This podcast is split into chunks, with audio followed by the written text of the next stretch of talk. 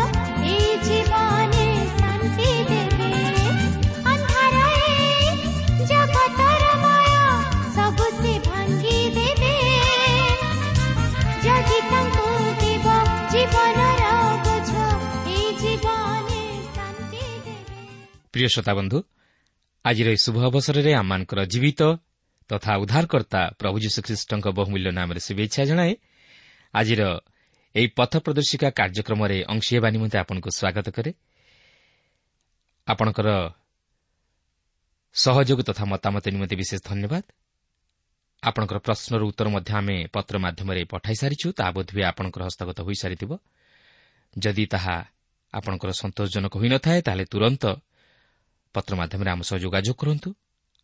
ଆଉ ବିଶେଷ ଅନୁରୋଧ ଆପଣ ନିଜେ ଏହି କାର୍ଯ୍ୟକ୍ରମ ଶୁଣିବା ସଙ୍ଗେ ସଙ୍ଗେ ଅନ୍ୟମାନଙ୍କୁ ମଧ୍ୟ ଶୁଣାଇବାରେ ସାହାଯ୍ୟ କରନ୍ତୁ। ଆଉ ସେମାନଙ୍କୁ ଆମ ସହ ପତ୍ର ମାଧ୍ୟମରେ ଯୋଗାଯୋଗ କରିବା ନିମନ୍ତେ ଉତ୍ସାହିତ କରନ୍ତୁ।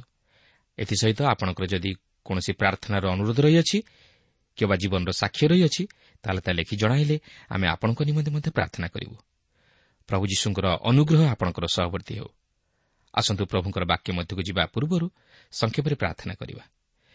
ପ୍ରିୟ ପବିତ୍ର ପ୍ରଭୁ ତୁମର ପବିତ୍ର ନାମର ଧନ୍ୟବାଦ କରୁଅଛୁ ଯେ ତୁମେ ଆମମାନଙ୍କୁ ଜୀବିତମାନଙ୍କ ମଧ୍ୟରେ ନାମସ୍ଥାନ ଦେଇଅଛ ପ୍ରଭୁ ଧନ୍ୟବାଦ କରୁଅଛୁ ଯେ ତୁମେ ଶ୍ରୋତାବନ୍ଧୁମାନଙ୍କର ସମସ୍ୟା ସମାଧାନ କରିଅଛ ତୁମେ ଅନେକଙ୍କୁ ସୁସ୍ଥତା ଦେଇଅଛ ହଁ ପ୍ରଭୁ ଆଜି ମଧ୍ୟ ଯେଉଁମାନେ ତୁମଠାରୁ ସୁସ୍ଥତାର ଅପେକ୍ଷାରେ ଅଛନ୍ତି ପ୍ରଭୁ ତୁମେ ସେମାନଙ୍କୁ ସୁସ୍ଥତା ଦିଅ ଯେଉଁମାନେ ପ୍ରଭୁ ପାପରୁ ଉଦ୍ଧାର ପାଇବା ନିମନ୍ତେ ପ୍ରଭୁ ତୁମ ନିକଟରେ ଅନୁତପ୍ତ। ପ୍ରଭୁ ତୁମେ ସେମାନଙ୍କୁ ପାପରୁ ଉଦ୍ଧାର କରି ସେମାନଙ୍କ ଜୀବନରେ ସେହି ଶାନ୍ତି ଆନନ୍ଦ ତୁମେ ଭରିଦିଅ ପ୍ରଭୁ ପ୍ରତ୍ୟେକଙ୍କର ସମସ୍ୟା ତୁମେ ସମାଧାନ କର। ଆଜିର ଏହି କାର୍ଯ୍ୟକ୍ରମ ମଧ୍ୟ ଦେଇ ତୁମେ ଆମମାନଙ୍କ ସହିତ କଥା କୁହ। ତୁମର ପବିତ୍ର ଉପସ୍ଥିତି ଆମମାନଙ୍କୁ ଉପଲବ୍ଧି କରିବା ପାଇଁ ଦିଅ। ଆଜିର ଏହି କାର୍ଯ୍ୟକ୍ରମ ମଧ୍ୟ ଦେଇ ତୁମେ ଆମଙ୍କର ସଙ୍ଗରେ କଥା କୁହ। ଯୀଶୁଙ୍କ ନାମରେ ମାଗୁଅଛୁ।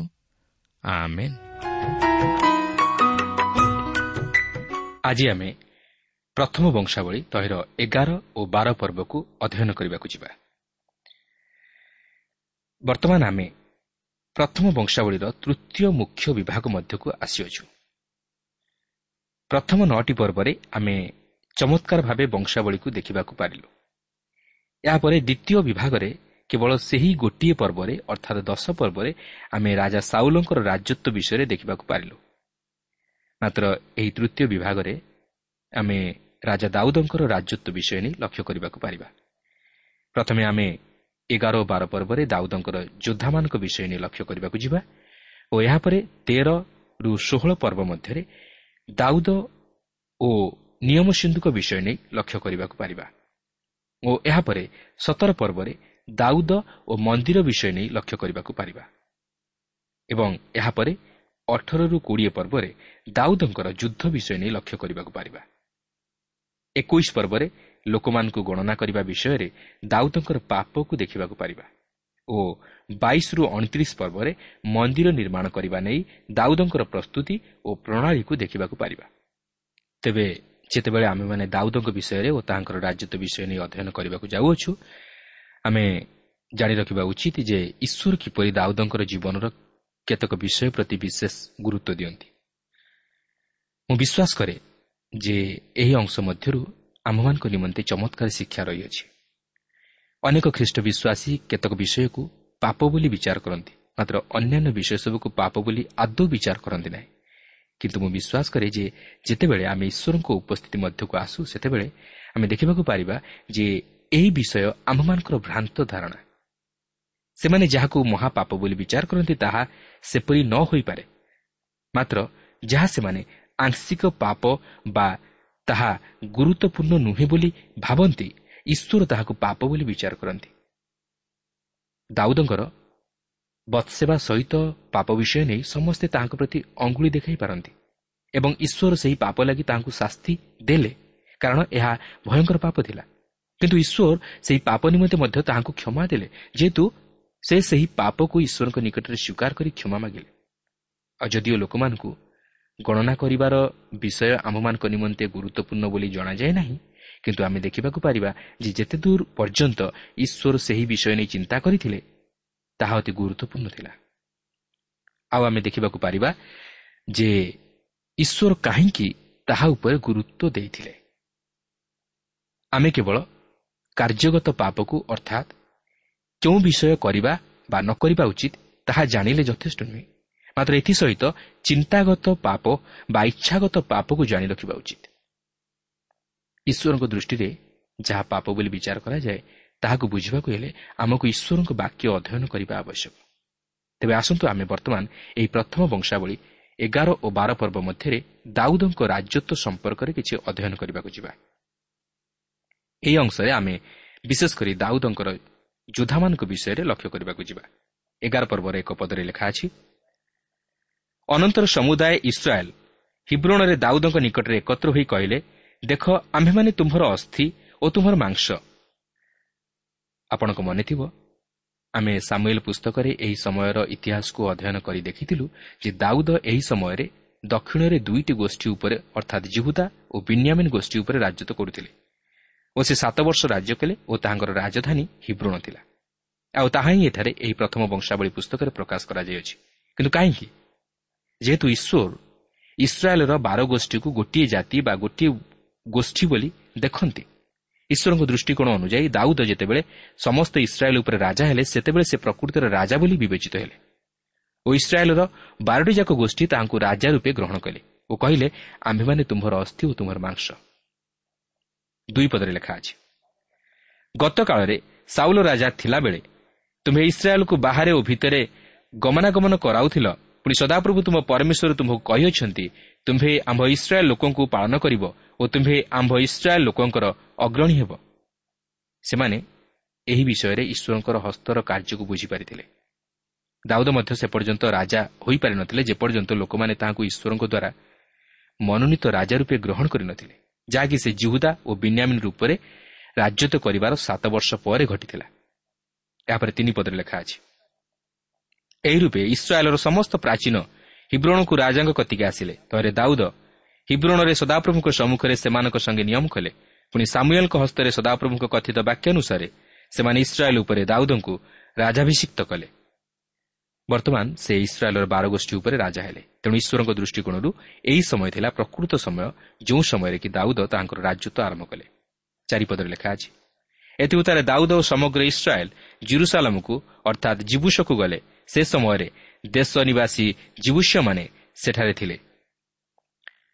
ଏଠାରେ ଆମେ ଦେଖିବାକୁ ପାରୁଅଛୁ ଜିରୁସାଲାମର ଅନ୍ୟ ନାମ ଥିଲା ଜିବୁସ ଯେହେତୁ ସେ ସ୍ଥାନରେ ସେହି ସମୟରେ ଜିବୁଷ୍ୟମାନେ ବସବାସ କରୁଥିବାରୁ ତାହାର ନାମ ଜିବୁସ ରଖାଯାଇଥିଲା। ମାତ୍ର ଦାଉଦ ସେହି ଜିରୁସାଲାମ ନଗର ବିଷୟରେ ଜାଣିଥିଲେ ଓ ଜିରୁସାଲାମକୁ ସେ ନିଜର ରାଜଧାନୀ କରିବା ନିମନ୍ତେ ପସନ୍ଦ କରିଥିଲେ। ଏ ସେହି ସ୍ଥାନ ଥିଲା ଯେଉଁ ସ୍ଥାନରେ କି ମନ୍ଦିର ନିର୍ମିତ ହେବାକୁ ଥିଲା। ଏହା ଦାଉଦଙ୍କର ଇଚ୍ଛା ଥିଲା ଓ ଈଶ୍ୱରଙ୍କର ମଧ୍ୟ ଇଚ୍ଛା ଥିଲା। ପାଞ୍ଚ ପଦରେ ଲେଖା ଅଛି ତହିଁରେ ଜିବୁସ୍ ନିବାସୀମାନେ ଦାଉଦଙ୍କୁ କହିଲେ ତୁମ୍ଭେ ଏ ସ୍ଥାନକୁ ଆସିପାରିବ ନାହିଁ। ତଥାପି ଦାଉଦ ସିଓନର ଦୃଢ଼ଗଡ଼ ହସ୍ତଗତ କଲେ ତାହା ଦାଉଦ ନଗର ହେଲା। ଦାଉଦ ସିଓନର ଦୃଢ଼ଗଡ଼ ହସ୍ତଗତ କଲେ ଓ ସେ ସେହି ସ୍ଥାନରେ ତାହାଙ୍କର ପ୍ରାସାଦ ନିର୍ମାଣ କଲେ। ସିଓନ ପର୍ବତ ଦାଉଦଙ୍କ ନିମନ୍ତେ ଅତି ବହୁମୂଲ୍ୟ ଥିଲା। ଛଅ ପଦରେ ଲେଖା ଅଛି ଆଉ ଦାଉଦ କହିଲେ ଯେ କେହି ପ୍ରଥମେ ଜୀବୁଷ୍ୟମାନଙ୍କୁ ଆଘାତ କରିବ ସେ ପ୍ରଧାନ ଓ ସେନାପତି ହେବ। ତହିଁରେ ସରୁୟାର ପୁତ୍ର ଜୋୟାବ ପ୍ରଥମେ ଗଲା ଓ ପ୍ରଧାନ କରାଗଲା। ଏହି ଜୋୟାବ ଦାଉଦଙ୍କୁ ସାହାଯ୍ୟ କରିବାରେ ସବୁଠାରୁ ପ୍ରଥମ ଥିଲା। ସେ ଦାଉଦଙ୍କ ପ୍ରତି ଜଣେ ପରାମର୍ଶଦାତା ସ୍ୱରୂପ ଥିଲା ଓ ସେ ସୈନ୍ୟଶ୍ରେଣୀର ନେତୃତ୍ୱ ନେଇଥିଲା। ସେ ଦାଉଦଙ୍କର ଯୋଦ୍ଧାମାନଙ୍କ ମଧ୍ୟରୁ ଜଣେ ଯୋଦ୍ଧା ଥିଲା। ସେ ଦାଉଦଙ୍କର ସେନାପତି ହେଲା ଓ ପ୍ରଧାନ ହେଲା। ସାତପଦରେ ଲେଖା ଅଛି ପୁଣି ଦାଉଦ ସେହି ଦୃଢ଼ ଗଡ଼ରେ ବାସ କଲେ ଏହେତୁ ଲୋକମାନେ ତାକୁ ଦାଉଦ ନଗର ନାମ ଦେଲେ। ଦାଉଦଙ୍କ ନଗର ପ୍ରକୃତରେ ସିଓନ ପର୍ବତ ଅଞ୍ଚଳ ଥିଲା। ପ୍ରକୃତରେ ଏହି ସ୍ଥାନରେ ଦାଉଦଙ୍କର ପ୍ରାସାଦ ଥିଲା କାରଣ ଦାଉଦ ସିଓନ ପର୍ବତକୁ ଭଲ ପାଉଥିଲେ। ଏହାପରେ ଆଠ ପଦରେ ଲେଖା ଅଛି ଆଉ ଦାଉଦ ଚତୁର୍ଦିଗରେ ଅର୍ଥାତ୍ ମିଲ୍ଲୋଠାରୁ ଚତୁର୍ଦିଗରେ ନଗର ନିର୍ମାଣ କଲେ। ପୁଣି ଜୋୟାବ ନଗରର ଅବଶିଷ୍ଟ ସ୍ଥାନ ପୁନର୍ନିର୍ମାଣ କଲେ। ଜୋୟାବ କେବଳ ଦାଉଦଙ୍କ ସୈନ୍ୟ ଶ୍ରେଣୀର ସେନାପତି ବା ପ୍ରଧାନ ନଥିଲେ ମାତ୍ର ସେ ମଧ୍ୟ ନଗର ନିର୍ମାଣ କାର୍ଯ୍ୟର ମୁଖ୍ୟ ଦାୟିତ୍ୱରେ ଥିଲେ। ଏହାପରେ ନଅ ପଦରେ ଲେଖା ଅଛି ତେଣୁ ଦାଉଦ ଆହୁରି ଆହୁରି ମହାନ ହେଲେ କାରଣ ସୈନ୍ୟାଧିପତି ସଦାପ୍ରଭୁ ତାଙ୍କର ସହାୟ ଥିଲେ। ଦାଉଦ ଇସ୍ରାଏଲ୍କୁ ଏକ ମହାନ ରାଜ୍ୟରେ ପରିଣତ କରାଇଲେ ଓ ସମଗ୍ର ଜଗତରେ ତାହାଙ୍କର ଖ୍ୟାତି ବିସ୍ତାର ଲାଭ କରିଥିଲା। ଦାଉଦ ଯେଉଁ ମୂଳଦୁଆ ପକାଇଥିଲେ ସେହି ମୂଳଦୁଆ ଉପରେ ସେହି ସମୟରେ ସଲୋମନ ଜଗତ ନିକଟରେ ଏକ ସାକ୍ଷ୍ୟ ପ୍ରଦାନ କରିବା ନିମନ୍ତେ ସକ୍ଷମ ହୋଇଥିଲେ। ଆସନ୍ତୁ ଏହାପରେ ଦାଉଦଙ୍କର ବୀରମାନଙ୍କ ବିଷୟ ନେଇ କିଛି ଆଲୋଚନା କରିବା। ଦାଉଦଙ୍କର ବୀରମାନେ ସେହି ଲୋକମାନେ ଥିଲେ ଯେଉଁମାନେ କି ଦାଉଦ ରାଜା ରୂପେ ଅଗ୍ରାହ୍ୟ ହୋଇଥିବା ସମୟରେ ତାହାଙ୍କ ସହିତରେ ଥିଲେ। ବର୍ତ୍ତମାନ ସେ ରାଜା ହୋଇଥିବାରୁ ସେ ମଧ୍ୟ ସେମାନଙ୍କୁ ସମ୍ମାନିତ କରାଇଲେ। ପ୍ରିୟ ବନ୍ଧୁ ଏଠାରେ ଆମମାନଙ୍କୁ ଏକ ମହାନ ଶିକ୍ଷା ମିଳେ। ପ୍ରଭୁ ଯୀଶୁଖ୍ରୀଷ୍ଟ ଆଜି ତାହାଙ୍କ ନାମରେ ଅନେକଙ୍କୁ ଆହ୍ୱାନ କରୁଅଛନ୍ତି ଓ ସେମାନେ ତାହାଙ୍କର ବୀର ଲୋକମାନେ। କିନ୍ତୁ ବର୍ତ୍ତମାନ ଖ୍ରୀଷ୍ଟଙ୍କୁ ଅଗ୍ରାହ୍ୟ କରିବାର ସମୟ। ତାଙ୍କର ନିଜ ଲୋକମାନେ କହିଲେ ଏହି ଲୋକଟା ଆମମାନଙ୍କ ଉପରେ ରାଜା ହେବ ନାହିଁ।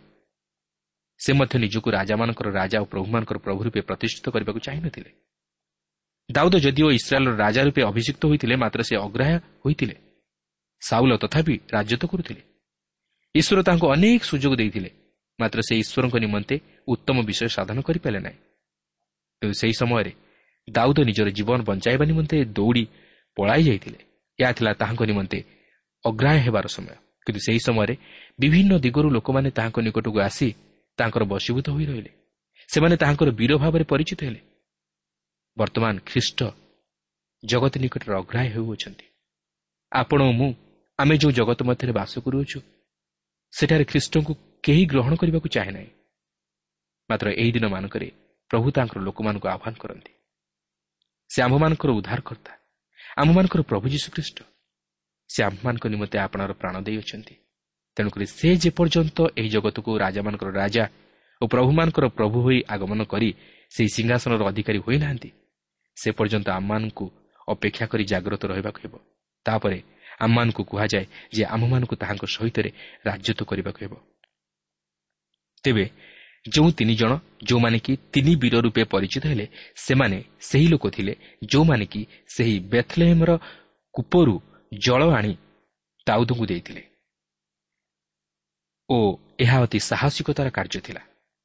ଦେଖନ୍ତୁ ଏଗାର ପର୍ବର ପନ୍ଦରରୁ ଉଣେଇଶ ପଦରେ ଏହିପରି ଲେଖା ଅଛି ଆଉ ତିରିଶ ଜଣ ପ୍ରଧାନଙ୍କ ମଧ୍ୟରୁ ତିନି ଜଣ ଶୈଳକୁ ଅର୍ଥାତ୍ ଅଦୁଲମ ଗୁମ୍ଫାକୁ ଦାଉଦଙ୍କ କତିକି ଗଲେ। ସେତେବେଳେ ପଲେଷ୍ଟ୍ରିୟ ସୈନ୍ୟ ରଫାଇମ୍ ଉପତ୍ୟକାରେ ଛାଉଣି ସ୍ଥାପନ କରିଥିଲେ। ପୁଣି ସେ ସମୟରେ ଦାଉଦ ଦୁର୍ଗମ ସ୍ଥାନରେ ଥିଲେ ଓ ପଲେଷ୍ଟିୟମାନଙ୍କର ପ୍ରହରୀ ସୈନ୍ୟ ଦଳ ବେଥଲେହମରେ ଥିଲେ। ଏଥିରେ ଦାଉଦ ତୁଷାର୍ଥ ହୋଇ କହିଲେ ଆହ କେହି ବୈଥଲେହମ ନଗର ଦ୍ୱାରା ନିକଟସ୍ଥ କୂପଜଳ ପାନ କରିବାକୁ ମୋତେ ଦିଅନ୍ତା କି? ତରେ ସେହି ତିନି ବୀର ପଲେଷ୍ଟିୟମାନଙ୍କ ସୈନ୍ୟ ମଧ୍ୟ ଦେଇ ପଶିଯାଇ ବୈଥଲେହମ ନଗର ଦ୍ୱାରା ନିକଟସ୍ଥ କୂପରୁ ଜଳ କାଢ଼ି ଦାଉଦଙ୍କ ନିକଟକୁ ତାହା ଆଣିଲେ। ମାତ୍ର ଦାଉଦ ତହିଁରୁ ପାନ କରିବାକୁ ସମ୍ମତ ନୋହି ସଦାପ୍ରଭୁଙ୍କ ଉଦ୍ଦେଶ୍ୟରେ ତାହା ଢାଳିଦେଲେ ଆଉ କହିଲେ ମୋ ପରମେଶ୍ୱର ଏପରି କର୍ମ କରିବାକୁ ମୋତେ ନ ଦେଉନ୍ତୁ। ପ୍ରାଣପଣରେ ଗମନକାରୀ ଏହି ମନୁଷ୍ୟମାନଙ୍କ ରକ୍ତ କି ମୁଁ ପାନ କରିବି? କାରଣ ସେମାନେ ପ୍ରାଣପଣରେ ତାହା ଆଣିଅଛନ୍ତି ଏଣୁ ସେ ତାହା ପାନ କରିବାକୁ ସମ୍ମତ ହେଲେ ନାହିଁ। ଏହି ସକଳ କର୍ମ ସେହି ତିନି ବୀର କରିଥିଲେ। ଏଠାରେ ଦେଖନ୍ତୁ ଯେ ଦାଉଦ ସେହି ବୈଥଲେମରେ ଲାଳିତ ପାଳିତ ହୋଇଥିଲେ। ତାହା ହିଁ ଥିଲା ତାହାଙ୍କର ନିଜର ନଗର। ସେହି ନଗରର ପ୍ରବେଶ ସ୍ଥାନରେ ଏକ କୂପ ଥିଲା ଏବଂ ଅନେକ ସମୟରେ ଯେତେବେଳେ ସେ ମେଣ୍ଢା ଚରାଇ କ୍ଲାନ୍ତ ହୋଇ ତୃଷା ଅନୁଭବ କରୁଥିଲେ ସେତେବେଳେ ସେ ସେହି କୂପ ନିକଟରେ ଅଟକି ଯାଇ ସେହି କୂପରୁ ଜଳପାନ କରୁଥିଲେ। କିନ୍ତୁ ବର୍ତ୍ତମାନ ସେ ସେହି ପଲେଷ୍ଟିୟମାନଙ୍କ ଦ୍ୱାରା ଅବରୋଧ ହୋଇଥିବାରୁ ସେ ସେହି କୂପ ନିକଟକୁ ଯାଇ ପାନ କରିବା ସମ୍ଭବ ନୁହେଁ। କିନ୍ତୁ ତୃଷା ହେତୁ ସେହି କୂପର ଜଳ ପାନ କରିବାକୁ ତାହାଙ୍କର ଇଚ୍ଛା ଥିଲା। କିନ୍ତୁ ଦାଉଦଙ୍କର ମନୋଭାବକୁ ଜାଣି ସେହି ତିନି ବୀର ପଲେଷ୍ଟିୟମାନଙ୍କର ସୈନ୍ୟ ଶ୍ରେଣୀ ଦେଇ ସାହସର ସହିତ ଯାଇ ସେହି କୂପରୁ ଜଳ ଆଣି ଦାଉଦଙ୍କୁ ଦେଲେ। ମାତ୍ର ଏକ ଆଶ୍ଚର୍ଯ୍ୟର କଥା ଦାଉଦ ସେହି ଜଳକୁ ପାନ ନ କରି ତାହାକୁ ଈଶ୍ୱରଙ୍କ ଉଦ୍ଦେଶ୍ୟରେ ପେୟ ନୈବେଦ୍ୟ ସ୍ୱରୂପେ ଢାଳିଦେଲେ। ଆଉ ସେ କହିଲେ ପରମେଶ୍ୱର ଏପରି କର୍ମ କରିବାକୁ ମୋତେ ନ ଦେଉନ୍ତୁ। ପ୍ରାଣପଣରେ ଗମନକାରୀ ଏହି ମନୁଷ୍ୟମାନଙ୍କ ରକ୍ତ କି ମୁଁ ପାନ କରିବି? କାରଣ ସେମାନେ ପ୍ରାଣପଣରେ ତାହା ଆଣିଅଛନ୍ତି। ପ୍ରିୟ ବନ୍ଧୁ ପ୍ରଭୁ ଯୀଶୁ ସେହି ବୈଥଲିୟମରେ ଜନ୍ମଗ୍ରହଣ କଲେ ଓ ସେ ସେହି ବୈଥଲିୟମର ଜଳ ସେ ହେଉଛନ୍ତି ଜୀବନ୍ତ ଜଳର ନିର୍ଝର। ଆଜି ମଧ୍ୟ ଅନେକ ତାଙ୍କର ବୀରମାନେ ଯେଉଁମାନେ କି ସାହସର ସହିତ ଖ୍ରୀଷ୍ଟଙ୍କୁ ପ୍ରଚାର କରୁଅଛନ୍ତି ସେମାନେ ଅନେକ ଘାତ ପ୍ରତିଘାତ ଓ ତାଡ଼ନା ମଧ୍ୟ ଦେଇ ଈଶ୍ୱରଙ୍କ ବାକ୍ୟ ଅନ୍ୟମାନଙ୍କ ନିକଟରେ ପହଞ୍ଚାଇବାରେ ଲାଗିଛନ୍ତି। ଆଉ ସେମାନେ ନିଶ୍ଚିତ ଖ୍ରୀଷ୍ଟଙ୍କ ବୀର ସ୍ୱରୂପେ ବା ଯୋଦ୍ଧା ସ୍ୱରୂପେ ସମ୍ମାନିତ ହେବାକୁ ଯାଉଅଛନ୍ତି। ଏଥିରେ ତିଳେ ହେଲେ ସନ୍ଦେହ ନାହିଁ। ମୋର ପ୍ରିୟ ବନ୍ଧୁ ଆପଣ ଯଦି ପୁରସ୍କୃତ ହେବାକୁ ଚାହାନ୍ତି ତାହେଲେ ଆପଣଙ୍କୁ ତାହାଙ୍କ ନିମନ୍ତେ ସ୍ୱାର୍ଥ ତ୍ୟାଗ କରିବାକୁ ହେବ ଓ ତାହାଙ୍କ ନିମନ୍ତେ ନିଜକୁ ଉତ୍ସର୍ଗ କରିବାକୁ ହେବ। ଏହି ପର୍ବରେ ଆଉ ଏକ ଘଟଣା ବର୍ଣ୍ଣିତ ହୋଇଅଛି ଯାହାକି ଅତି ଚମତ୍କାର। ଏଗାର ପର୍ବର ବାଇଶ ପଦରେ ଲେଖା ଅଛି ପରାକ୍ରାନ୍ତ କର୍ମକାରୀ କବ୍ସେଲିୟ ଏକ ବିକ୍ରମୀ ପୁରୁଷର ପୌତ୍ର ଜୁହଇ ଆଦାର ପୁତ୍ର ଯେ ବନାଏ ସେ ମୟାବିୟ ଅରିଏଲ୍ର ଦୁଇ ପୁତ୍ରଙ୍କୁ ବଦ୍ଧ କଲା। ମଧ୍ୟ ସେ ହିମପାତ ସମୟରେ ଯାଇ ଗର୍ତ୍ତ ମଧ୍ୟରେ ଏକ ସିଂହକୁ ବଦ୍ଧ କଲା। ବନାୟ ପକ୍ଷରେ ଏହା ଅତି ଚମତ୍କାର କାର୍ଯ୍ୟ ଥିଲା। ଆପଣ ଲକ୍ଷ୍ୟ କରିପାରୁଛନ୍ତି ସେ କେତେବେଳେ ଏହି କର୍ମ କଲା? ସେ ଏହି କର୍ମ ହିମାନି ସମୟରେ ଅର୍ଥାତ୍ ହିମପାତ ବା ତୁଷାରପାତ ସମୟରେ କଲା। ବାସ୍ତବରେ ପ୍ରଭୁ ମଧ୍ୟ ସେହି ଲୋକମାନଙ୍କ ପ୍ରତି ଦୃଷ୍ଟି ଦେଇଥାନ୍ତି ଯେଉଁମାନେ ସମସ୍ୟା ମଧ୍ୟ ଦେଇ ହେଉ ବା ଝଡ଼ ବର୍ଷା ମଧ୍ୟ ଦେଇ ହେଉ ତାହାଙ୍କର ମନ୍ଦିରକୁ ଆସି ତାହାଙ୍କର ଉପାସନା କରନ୍ତି। ତାହାଙ୍କୁ ପ୍ରଥମ ସ୍ଥାନ ଦିଅନ୍ତି। ତାହାଙ୍କର ସେବା କରନ୍ତି। ସମସ୍ତ ପ୍ରକାର ଅସୁବିଧା ସତ୍ତ୍ୱେ ମଧ୍ୟ ସେମାନେ ପ୍ରଭୁଙ୍କର ସେବା ବା ଉପାସନାକୁ ପ୍ରଥମ ସ୍ଥାନ ଦିଅନ୍ତି। ବର୍ତ୍ତମାନ ଆମେ ବାର ପର୍ବ ମଧ୍ୟକୁ ଯିବା। ବର୍ତ୍ତମାନ ମୁଁ ଏହି ବାର ପର୍ବରେ କେବଳ ଗୋଟିଏ କୌତୁହଳ ବିଷୟ ଉପରେ ଆପଣଙ୍କର ଦୃଷ୍ଟି ଆକର୍ଷଣ କରିବାକୁ ଚାହେଁ ତାହା ହେଉଛି ସେହି ସମୟରେ ଗାଦ ବଂଶ ମଧ୍ୟରୁ ମଧ୍ୟ କେତେକ ଲୋକ ଥିଲେ ଯେଉଁମାନେ କି ଦାଉଦ ଅଗ୍ରାହ୍ୟ ହୋଇଥିବା ସମୟରେ ତାହାଙ୍କ ନିକଟକୁ ଆସିଥିଲେ। ଦେଖନ୍ତୁ ସେମାନଙ୍କ ବିଷୟ ନେଇ ଏହିପରି ଲେଖା ଅଛି ଯାହାକି ପ୍ରଥମ ବଂଶାବଳୀ ବାର ପର୍ବର ଚଉଦରୁ ଅଠର ପଦ ମଧ୍ୟରେ ଲେଖା ଅଛି। ଗାଦ୍ର ଏହି ସନ୍ତାନମାନେ ସେନାପତି ଥିଲେ। ଏମାନଙ୍କ ମଧ୍ୟରେ ଯେଉଁ ଜଣ କ୍ଷୁଦ୍ର ସେ ଏକଶତ ଲୋକର ଓ ଯେ ମହାନ ସେ ଏକ ସହସ୍ର ଲୋକର ସମାନ ଥିଲା। ଏମାନେ ପ୍ରଥମ ମାସରେ ଜର୍ଦ୍ଦନର ଜଳ ସମସ୍ତ ତୀର ଉପରେ ଉଛୁଳୁଥିବା ସମୟରେ ନଦୀ ପାର ହୋଇଯାଇଥିଲେ ଆଉ ସେମାନେ ଉପତ୍ୟକା ସମୂହର ପୂର୍ବ ଓ ପଶ୍ଚିମ ଦିଗ ନିବାସୀମାନଙ୍କୁ ତଡ଼ି ଦେଇଥିଲେ। ଆହୁରି ବିନ୍ୟାମିନ୍ ଓ ଜିହୁଦା ସନ୍ତାନମାନଙ୍କ ମଧ୍ୟରୁ କେତେ ଲୋକ ଦୁର୍ଗ ସ୍ଥାନକୁ ଦାଉଦଙ୍କ କତିକି ଆସିଲେ। ଥରେ ଦାଉଦ ସେମାନଙ୍କୁ ଭେଟିବା ପାଇଁ ଯାଇ ଉତ୍ତର କରି କହିଲେ ଯେବେ ତୁମେମାନେ ନିର୍ବିରୋଧ ଭାବରେ ମୋହର ସାହାଯ୍ୟ କରିବା ପାଇଁ ମୋ କତିକି ଆସିଥାଅ ତେବେ ମୋହର ଅନ୍ତଃକରଣ ତୁମମାନଙ୍କଠାରେ ସଂଯୁକ୍ତ ହେବ। ମାତ୍ର ମୋ ହସ୍ତରେ କୌଣସି ଦୌରାତ୍ମ ନଥିଲେ ହେଁ ଯେବେ ତୁମ୍ଭେମାନେ ମୋ ଶତ୍ରୁମାନଙ୍କ ହସ୍ତରେ ମୋତେ ସମର୍ପଣ କରିବାକୁ ଆସିଥାଅ ତେବେ ଆମ୍ଭମାନଙ୍କ ପିତୃଗଣର ପରମେଶ୍ୱର ତାହା ଦେଖନ୍ତୁ ଓ ଅନୁଯୋଗ କରନ୍ତୁ। ସେତେବେଳେ ତିରିଶ ଜଣଙ୍କ ମଧ୍ୟରେ ପ୍ରଧାନ ଅମାଶୟ ଉପରେ ଆତ୍ମା ଅଧିଷ୍ଠାନ କରନ୍ତି। ସେ କହିଲା ହେ ଦାଉଦ ଆମେମାନେ ତୁମ୍ଭର ହେ ଜିସିର ପୁତ୍ର ଆମେମାନେ ତୁମ୍ଭର ପକ୍ଷ ତୁମ୍ଭର ମଙ୍ଗଳ ହେଉ। ମଙ୍ଗଳ ହେଉ ଓ ତୁମ୍ଭ ସାହାଯ୍ୟକାରୀମାନଙ୍କର ମଙ୍ଗଳ ହେଉ। କାରଣ ତୁମ୍ଭ ପରମେଶ୍ୱର ତୁମ୍ଭର ସାହାଯ୍ୟ କରନ୍ତି। ତେଣୁ ଦାଉଦ ସେମାନଙ୍କୁ ଗ୍ରହଣ କରି ସେନାଦଳ ଉପରେ ସେମାନଙ୍କୁ ସେନାପତି କଲେ। ଏଠାରେ ଏକ ଦଳର ଲୋକ ଯେଉଁମାନେ ଦାଉଦଙ୍କ ନିକଟକୁ ଆସିଥିଲେ ଆଉ ସେମାନେ ବନ୍ୟା ସମୟରେ ସାହସର ସହିତ ଜର୍ଦ୍ଦନ ନଦୀରେ ପହଁରି ପହଁରି ଯାଇ ଜର୍ଦ୍ଦନ ଉପତ୍ୟକାର ପୂର୍ବ ଓ ପଶ୍ଚିମ ଦିଗ ନିବାସୀମାନଙ୍କୁ ତଡ଼ି ଦେଇଥିଲେ। ଦାଉଦ ସେମାନଙ୍କ ସହିତ ସାକ୍ଷାତ କରିବାକୁ ଯାଇଥିଲେ। ଆଉ ସେ ଜାଣିନଥିଲେ ଯେ ସେମାନେ ତାହାଙ୍କର ଶତ୍ରୁ କି ବନ୍ଧୁ। ମାତ୍ର ଦାଉଦ ସେମାନଙ୍କୁ କହିଲେ ଯଦି ତୁମେମାନେ ମୋ ପ୍ରତି ଅନିଷ୍ଟ କଳ୍ପନା କରିଥାଅ ତାହେଲେ ମୁଁ ତୁମମାନଙ୍କୁ ବିନାଶ କରିବି। କିନ୍ତୁ ସେମାନେ କହିଲେ ନାହିଁ ଦାଉଦ ତାହା ନୁହେଁ। ମାତ୍ର ଆମେମାନେ ତୁମ୍ଭର ପକ୍ଷ ହେବାକୁ ଆସିଅଛୁ। ସେମାନେ ଦାଉଦଙ୍କ ନିମନ୍ତେ ବଞ୍ଚିବାକୁ ଚାହିଁଲେ। ସେମାନେ ଦାଉଦଙ୍କର ପକ୍ଷ ହେବାକୁ ଚାହିଁଲେ ଓ ତାହାଙ୍କର ସେବା କରିବାକୁ ଚାହିଁଲେ। ପ୍ରିୟ ବନ୍ଧୁ ଆଜି ଆପଣ କାହାର ପକ୍ଷ? ଆଜି ଆପଣ କାହା ପାଇଁ ବଞ୍ଚିବାକୁ ଚାହାନ୍ତି? ଆଜି ଆପଣ କାହାର ସେବା କରିବାକୁ ଚାହାନ୍ତି? କିନ୍ତୁ ପ୍ରିୟ ବନ୍ଧୁ ପ୍ରଭୁ ଯୀଶୁଖ୍ରୀଷ୍ଟ ଆପଣଙ୍କ ନିମନ୍ତେ ଓ ମୋ ନିମନ୍ତେ ମୃତ୍ୟୁବରଣ କରି ଓ ପୁନରୁଦ୍ଧିତ ହୋଇ ଆମ୍ଭମାନଙ୍କ ନିମନ୍ତେ ସେହି ସମସ୍ତ ଆତ୍ମିକ ଆଶୀର୍ବାଦ ବର୍ତ୍ତାଇ ଅଛନ୍ତି। ଈଶ୍ୱର ଆଜି ତାହାଙ୍କର ଅସୀମ ଅନୁଗ୍ରହ ପ୍ରେମ ଆମ୍ଭମାନଙ୍କ ପ୍ରତି ପ୍ରକାଶ କରିଅଛନ୍ତି। କିନ୍ତୁ ସେ ଚାହାନ୍ତି ଆମେ ଯେପରି ଏହି ଜଗତ ମଧ୍ୟରେ ତାହାଙ୍କ ନିମନ୍ତେ ବଞ୍ଚୁ ଓ ତାହାଙ୍କ ନିମନ୍ତେ ସାକ୍ଷୀ ହେଉ ଓ ତାହାଙ୍କର ସେବା କରୁ। ତେଣୁ ପ୍ରିୟ ବନ୍ଧୁ ଆଜି ବି ମଧ୍ୟ ସମୟ ଅଛି। ନିଜର ଜୀବନକୁ ଲକ୍ଷ୍ୟ କରନ୍ତୁ ନିଜର ଜୀବନକୁ ସମୀକ୍ଷା କରନ୍ତୁ ଆଜି ଆପଣ ଆପଣଙ୍କ ଜୀବନରେ କାହାକୁ ଶ୍ରେଷ୍ଠ ସ୍ଥାନ ଦେଇଅଛନ୍ତି ଜଗତକୁ ନା ପ୍ରଭୁଙ୍କୁ ଜଗତର ବିଷୟକୁ ନା ପ୍ରଭୁଙ୍କର ବିଷୟକୁ ଜଗତର ଲୋକମାନଙ୍କର କଥାକୁ ନା ଈଶ୍ୱରଙ୍କର ବାକ୍ୟକୁ ଜଗତର ଲୋକମାନଙ୍କର ଆଦେଶକୁ ନା ଈଶ୍ୱରଙ୍କର ଆଦେଶକୁ କିନ୍ତୁ ଯଦି ଆମେ ଈଶ୍ୱରଙ୍କୁ ପଛରେ ପକାଇ ଜଗତକୁ ପ୍ରଥମ ସ୍ଥାନ ଦେଉ ଜଗତର ବିଷୟରେ ନିର୍ଭର କରୁ ଜଗତ ଉପରେ ନିର୍ଭର କରି ଈଶ୍ୱରଙ୍କୁ ଦୂର କରିଦେଉ ତାହେଲେ ଆମେମାନେ କେବେ ହେଲେ ଜୀବନରେ ଆଶୀର୍ବାଦର ଅଧିକାରୀ ହୋଇପାରିବା ନାହିଁ କି ଈଶ୍ୱରଙ୍କର ପରିଚୟ ପାଇପାରିବା ନାହିଁ। ଈଶ୍ୱରଙ୍କର ପରିଚୟ ପାଇବାକୁ ହେଲେ ଖ୍ରୀଷ୍ଟ ହିଁ ହେଉଛନ୍ତି ଏକମାତ୍ର ମାଧ୍ୟମ ଯେହେତୁ ସେ ଆମମାନଙ୍କୁ ଈଶ୍ୱରଙ୍କ ସହିତ ସମ୍ମିଳିତ କରାଇଅଛନ୍ତି ଆଉ ତାହା ତାଙ୍କର ପବିତ୍ର ରକ୍ତ ଦ୍ୱାରା। ଆଉ ସେ ଆଜି ମଧ୍ୟ ଆମମାନଙ୍କୁ ପିତା ଈଶ୍ୱରଙ୍କ ସହିତ ଏକ କରାଇବା ପାଇଁ ଚାହାନ୍ତି। ସେ ଚାହାନ୍ତି ନାହିଁ ବିଚ୍ଛିନ୍ନତା। ସେ ଚାହାନ୍ତି ନାହିଁ ଯେ ଆମମାନେ ଈଶ୍ୱରଙ୍କଠାରୁ ଦୂରବର୍ତ୍ତୀ ଜୀବନଯାପନ କରି ସମସ୍ୟାରେ ପଡ଼ୁ ଅଭାବରେ ପଡ଼ୁ ଦୁଃଖରେ ପଡ଼ୁ ବିପଦରେ ପଡ଼ୁ। ମାତ୍ର ସେ ଚାହାନ୍ତି ଆମମାନଙ୍କୁ ଉଦ୍ଧାର କରି ତାଙ୍କର ସନ୍ତାନ ରୂପେ ଗ୍ରହଣ କରିବା ପାଇଁ। ସେହି ତୁଟି ଯାଇଥିବା ସମ୍ପର୍କକୁ ପୁନର୍ବାର ଯୋଡ଼ି ଦେବା ପାଇଁ। କିନ୍ତୁ ଆଜି ଆମେ ସେଥି ନିମନ୍ତେ କ'ଣ ଚିନ୍ତିତ କି?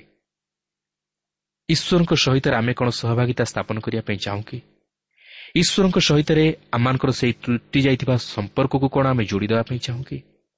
ଈଶ୍ୱରଙ୍କ ସହିତ କ'ଣ ଆମେ ଲାଗି ରହିବା ପାଇଁ ଚାହୁଁ କି? ଈଶ୍ୱରଙ୍କୁ କ'ଣ ଆମେ ସନ୍ତୁଷ୍ଟ କରିବା ପାଇଁ ଚାହୁଁ କି? ଈଶ୍ୱରଙ୍କୁ କ'ଣ ଆମେ ଗୌରବ ଦେବା ପାଇଁ ଚାହୁଁ କି? ଯଦି ଆମେ ଚାହୁଁ ତାହେଲେ ଏହି ବାକ୍ୟ ଅନୁଯାୟୀ ଆମକୁ ଖ୍ରୀଷ୍ଟଙ୍କର ନିକଟବର୍ତ୍ତୀ ହେବାକୁ ହେବ। ଖ୍ରୀଷ୍ଟଙ୍କର ସେହି କୃଷ ନିକଟରେ ଆମମାନଙ୍କର ନିଜର ସମସ୍ତ ପାପକୁ ସ୍ୱୀକାର କରିବାକୁ ହେବ। ତାହାଙ୍କଠାରୁ କ୍ଷମା ମାଗିବାକୁ ହେବ। ତାହେଲେ ସେ ଆମମାନଙ୍କୁ ପାପରୁ ଉଦ୍ଧାର କରି ଈଶ୍ୱରଙ୍କର ନିକଟବର୍ତ୍ତୀ କରାଇବେ। ଏବଂ ଏହି ଜଗତରେ ମଧ୍ୟ ଆମେ ଏକ ବିଜୟୀ ଜୀବନ ଯାପନ କରିବା ପାଇଁ ସକ୍ଷମ ହୋଇପାରିବା। ସମସ୍ତ ପ୍ରକାର ଝଡ଼ଝଞ୍ଝା ସମସ୍ତ ପ୍ରକାର ସମସ୍ୟା ମଧ୍ୟରେ ମଧ୍ୟ ଆମେ ଆନନ୍ଦର ସହିତ ଶାନ୍ତିର ସହିତ ବସବାସ କରିପାରିବା। ଯେହେତୁ ସେ ଆମମାନଙ୍କ ସହିତ ରହିବେ ଏବଂ ସେ ଆମମାନଙ୍କୁ ଧୈର୍ଯ୍ୟ ଶକ୍ତି ବଳ ସାହସ ଦେଇ ଆମମାନଙ୍କର ତାହାଙ୍କର ଗୌରବ ନିମନ୍ତେ କଢ଼ାଇ ନେବେ। ଏଠାରେ ମୁଁ ଆପଣଙ୍କୁ କହି ରଖେ ଯେ ଯଦି ଆମେ ପ୍ରଭୁଙ୍କର ସପକ୍ଷ ହେବା ପାଇଁ ଚାହୁଁ ତାହେଲେ ଆମମାନଙ୍କୁ ଶୈତାନ ବିରୁଦ୍ଧରେ ଯୁଦ୍ଧ କରିବାକୁ ହେବ। ଆମମାନଙ୍କୁ ସେ ଅନ୍ଧକାରର ଶକ୍ତି ବିରୁଦ୍ଧରେ ଛିଡ଼ା ହେବାକୁ ହେବ। ତାହେଲେ ଆମେ ପ୍ରଭୁଙ୍କର ସପକ୍ଷ ହୋଇପାରିବା। ଆଉ ଶୈତାନ ଚାହେଁ ନାହିଁ ଆମମାନେ ପ୍ରଭୁଙ୍କର ପକ୍ଷ ହେଉ ବୋଲି। ତେଣୁକରି ସେ ଆମମାନଙ୍କୁ ବିଭିନ୍ନ ପ୍ରକାର ପ୍ରଲୋଭନରେ ପ୍ରଲୋଭିତ କରି ଆମମାନଙ୍କୁ ତାହାର ଫାଶରେ ବାନ୍ଧିଦିଏ ଆଉ ତାହାର ଫାଶରୁ ଅତି ସହଜରେ ଆମମାନେ ଉଦ୍ଧାର ପାଇପାରୁନା। କାରଣ ଏହି ଜଗତ ଏକ ପ୍ରଲୋଭନପୂର୍ଣ୍ଣ ଜଗତ। ଏହି ଜଗତରେ ଆମମାନେ ଯାହା କିଛି ଦେଖୁ ତାହା ଦେଖିବା ଦ୍ୱାରା ଆମମାନଙ୍କର ଚକ୍ଷୁ କଳୁଷିତ ହୁଏ। ଏହି ଜଗତରେ ଆମମାନେ ଯାହା କିଛି ଶୁଣୁ ତାହା ଶୁଣିବା ଦ୍ୱାରା ଆମମାନଙ୍କର କର୍ଣ୍ଣ କଳୁଷିତ ହୁଏ। ଏହି ଜଗତରେ ଆମମାନେ ଯାହା କିଛି ଉପଭୋଗ କରୁ ତାଦ୍ୱାରା ଆମମାନଙ୍କର ଜୀବନ ବିନାଶ ଆଡ଼କୁ ଗତି କରେ। ତେଣୁ ଏହି ଜଗତରେ ଏକ ବିଜୟୀ ଜୀବନ ଯାପନ କରିବାକୁ ହେଲେ ଆମମାନଙ୍କୁ ଅନେକ ସ୍ୱାର୍ଥ ତ୍ୟାଗ କରିବାକୁ ହେବ। ପ୍ରଭୁଙ୍କ ନିମନ୍ତେ ଛିଡ଼ା ହେବାକୁ ହେଲେ ଆମମାନଙ୍କୁ ଅନେକ କଷ୍ଟ ସହ୍ୟ କରିବାକୁ ହେବ। ଆମମାନଙ୍କୁ ଅନେକ ଝଡ଼ଝଞ୍ଝା ମଧ୍ୟ ଦେଇ ଗତି କରିବାକୁ ହେବ। କିନ୍ତୁ ଏହି ସମସ୍ତରେ ଯଦି ଆମେ ପ୍ରଭୁଙ୍କଠାରେ ବିଶ୍ୱାସରେ ସ୍ଥିର ରହୁ ତାହେଲେ ସେ ଆମମାନଙ୍କୁ ସୁରକ୍ଷା ପ୍ରଦାନ କରିବେ ଏବଂ ସେ ଆମମାନଙ୍କୁ ଶକ୍ତି ଦେଇ ଏକ ବିଜୟୀ ଜୀବନ ଯାପନ କରିବା ପାଇଁ ସାହାଯ୍ୟ କରିବେ। ପ୍ରଭୁ ପ୍ରତ୍ୟେକଙ୍କୁ ଏହି ସଂକ୍ଷିପ୍ତ ଆଲୋଚନା ମଧ୍ୟ ଦେଇ ଆଶୀର୍ବାଦ କରନ୍ତୁ।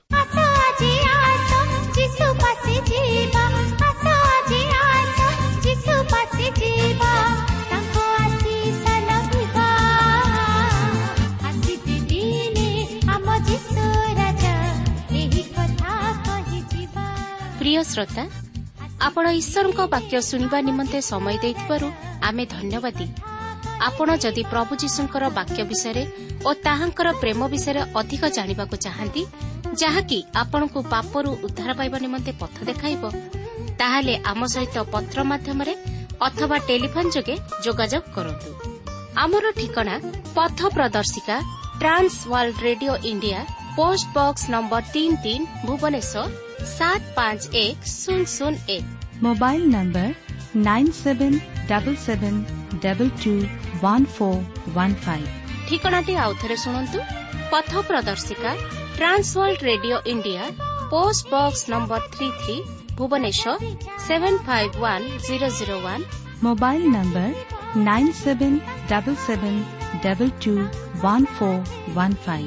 ଆମର ଇମେଲ୍ ଆଡ୍ରେସ୍ଟି ଲେଖି ରଖନ୍ତୁ Odia TV at radio eight eight two dot com ତେବେ ଆଜି ପାଇଁ ଏଠାରେ ରଖୁଛୁ। ପ୍ରଭୁ ଯୀଶୁ ଆପଣଙ୍କୁ ଆଶୀର୍ବାଦ କରନ୍ତୁ। ନମସ୍କାର।